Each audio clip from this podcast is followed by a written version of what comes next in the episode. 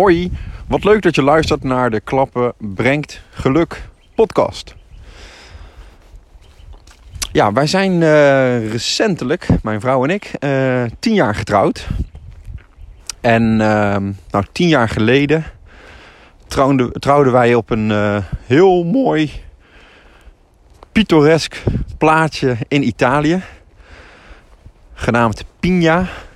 En in een klein gezelschap hebben we dat uh, toen heel erg uh, leuk in een, een weekend lang uh, gevierd. En ehm, nou, wij moesten, doordat het zo ver weg was, wel wat selectief zijn in wie we wel en niet hebben uitgenodigd. En ehm, nu tien jaar verder, denk ik af en toe, oeh, dat was wel een strenge selectie, zeg maar. Ik weet niet of ik dat nu nog een keer zo zou doen. maar goed, we zijn nu tien jaar verder. We dachten, is het niet leuk om de mensen die we toen niet konden uitnodigen, nu juist wel uit te nodigen. En uiteraard uh, de mensen die er toen bij waren ook. Dus, uh, lang verhaal kort, medio mei organiseren wij een uh, groot feest uh, ter gelegenheid van ons tienjarig huwelijk. En nou, we hebben al veel leuke en enthousiaste reacties gehad van mensen die erbij zijn. Dus daar kijken we met z'n tweeën erg naar uit. En toch ja, toen we dat zo aan het bespreken waren van... Goh, zullen we dat feest nou gaan organiseren, uh, wel of niet? Ja, toen hadden we daar nog wel eventjes met elkaar uh, discussie over. Van ja, wat zullen we nou doen? Hè? Is dit het goede moment? Uh, want aan de ene kant weet je, ja, zo'n feest... We hebben dan een leuke locatie en we hebben een bevriende DJ met een saxofonist en zo. Nou, dus we proberen echt wel even een leuk feest van te maken. Maar dat kost natuurlijk best wel wat. En um, uh, aan de andere kant dachten we, ja, je kan naar de kosten kijken. En dan ga je het wellicht uh, nooit doen, want het is altijd uh, duur. maar aan de andere kant ehm, hebben we helaas afgelopen jaar ook, zeker eind vorig jaar, een aantal begrafenissen mee moeten maken van ouders van vrienden van ons. En dat heeft er toch wel behoorlijk ingehakt. Dus we hadden ook zoiets van, ja, moeten we niet juist nu het leven vieren? Nu we allemaal nog gezond en gelukkig en daar ook zeer dankbaar voor zijn. Zou het niet juist het mooie en het goede moment zijn om het nu toch wel te doen? Ondanks, nou ja, de turbulente wereld waarin we zitten. Uh, ondanks misschien uh, de, de kosten die het uh, met zich... nou, misschien weet ik wel zeker. De kosten die het met zich meebrengt. Nou, lang verhaal kort. En daar moet ik ook echt de credits voor aan mijn vrouw geven. Die zei echt, laten we het leven vieren. En hup, we gaan het gewoon doen. En daar was ik het helemaal mee eens. En ja, zo'n discussie die ik even met mijn vrouw had: hè, van is dit het goede moment om het wel of niet te doen? Um, die soms uh, ja, zelfs innerlijke discussie zie ik ook bij zorgbestuurders of zorgdirecteuren die ik spreek, die met werkgeluk aan de slag willen. Hun hart zegt eigenlijk ja, dit moeten we gaan doen. Dat voel ik echt in de gesprekken.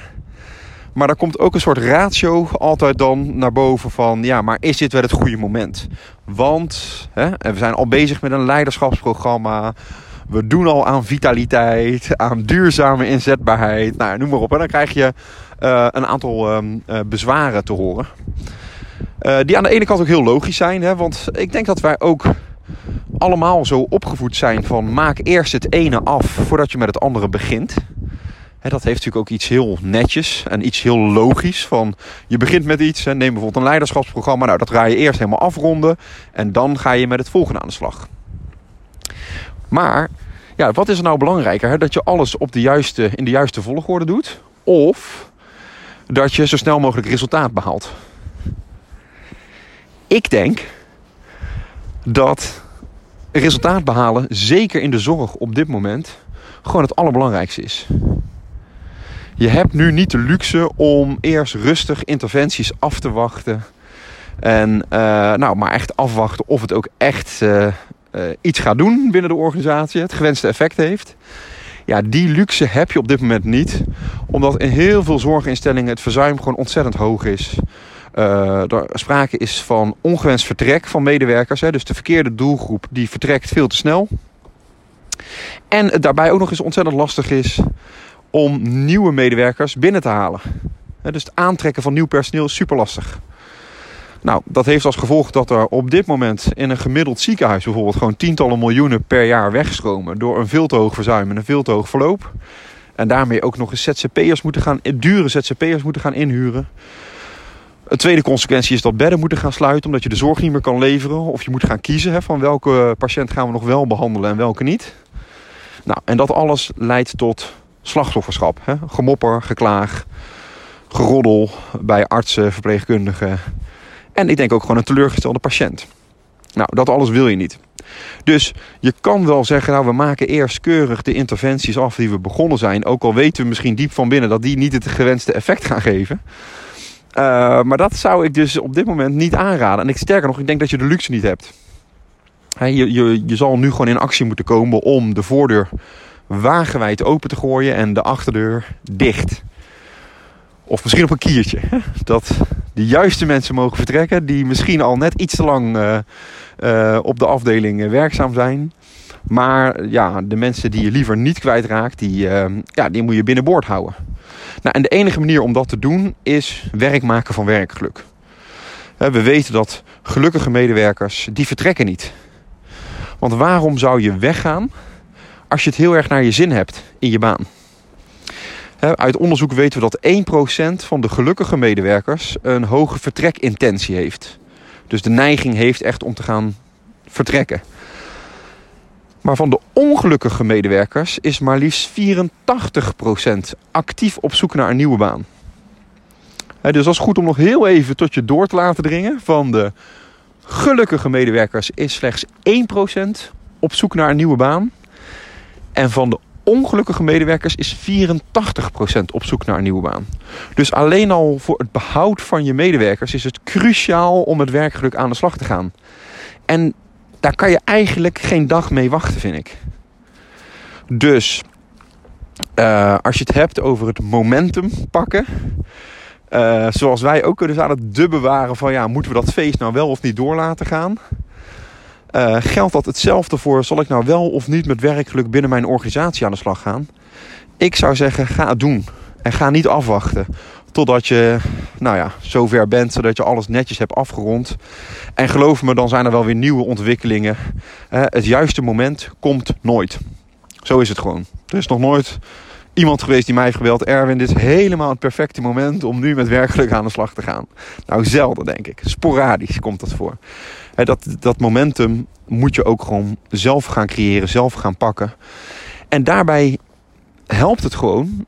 Ehm, de gedachte die, die daarbij denk ik heel erg helpt, is dat lef loont. Heb je nu het lef om met werkelijk aan de slag te gaan? Durf je het aan? Dan zie je dat dat heel vaak en ook vrij snel al rendeert. We zijn bijvoorbeeld midden in de coronacrisis binnen één ziekenhuis gestart met uh, een werkgeluk uh, coachprogramma. Daarin hebben we leidinggevende opgeleid tot werkgelukcoach. Terwijl op de afdelingen lag het stampensvol met coronapatiënten. Zeer zieke coronapatiënten. En um, ja, dat was natuurlijk helemaal niet voor hun het ideale moment. Want ze zaten uh, enorm in de stress. Het was ontzettend druk. En uh, personeel lag eigenlijk uitgeteld op de grond. Wat dat betreft was het misschien juist wel het goede moment. Maar goed, hè, het is misschien niet het goede moment om zo'n keuze te durven maken. Maar die zorgdirecteur die dat daar wel gedaan heeft...